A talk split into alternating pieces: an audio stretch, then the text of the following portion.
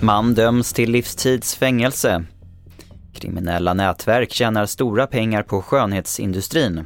Och Tyskland skickar avancerade vapen till Ukraina. Det är rubrikerna i TV4-nyheterna. Vi börjar med att en 42-årig man döms till livstidsfängelse för att ha mördat sin gravida sambo i parets bostad i skånska Åkarp i december förra året. Mannen har inte nekat till att han knivhuggit kvinnan men har sagt att han befann sig i ett psykotiskt tillstånd. Sen den nya skönhetslagen började gälla förra sommaren så har antalet anmälningar om oseriösa aktörer och misslyckade ingrepp ökat kraftigt. Och nu varnar Inspektionen för vård och omsorg, IVO, för att kriminella nätverk tjänar stora pengar på skönhetsindustrin. Sofia Wallström är generaldirektör på IVO.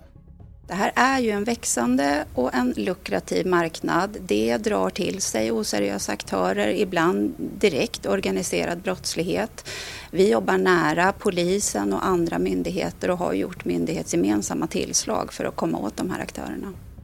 Så till kriget i Ukraina och att Tyskland nu kommer hjälpa landet med moderna luftvärnsmissiler och radarsystem. Det här meddelade Tysklands förbundskansler Olaf Scholz efter att landet fått kritik för att inte ha hjälpt Ukrainas huvudstad Kiev tillräckligt. Och vi avslutar med att över 300 körskolelärare har skrivit under en protestlista mot de långa köerna till uppkörning. Idag kan man få vänta i upp till fyra månader på att få en tid och körskolelärarna vill ha ett nytt system för att minska väntetiden. Basse Haroun jobbar som körskolelärare. Systemet har havererat totalt och det blir värre och värre varje år. De som har skrivit under vill ha ett antal fasta uppkörningstider per månad som inte är bundna till personnummer utan kan delas ut till den elev som är redo att köra upp. Men med systemet idag upplever Basse att många tar sin tid fast att de kanske inte är redo.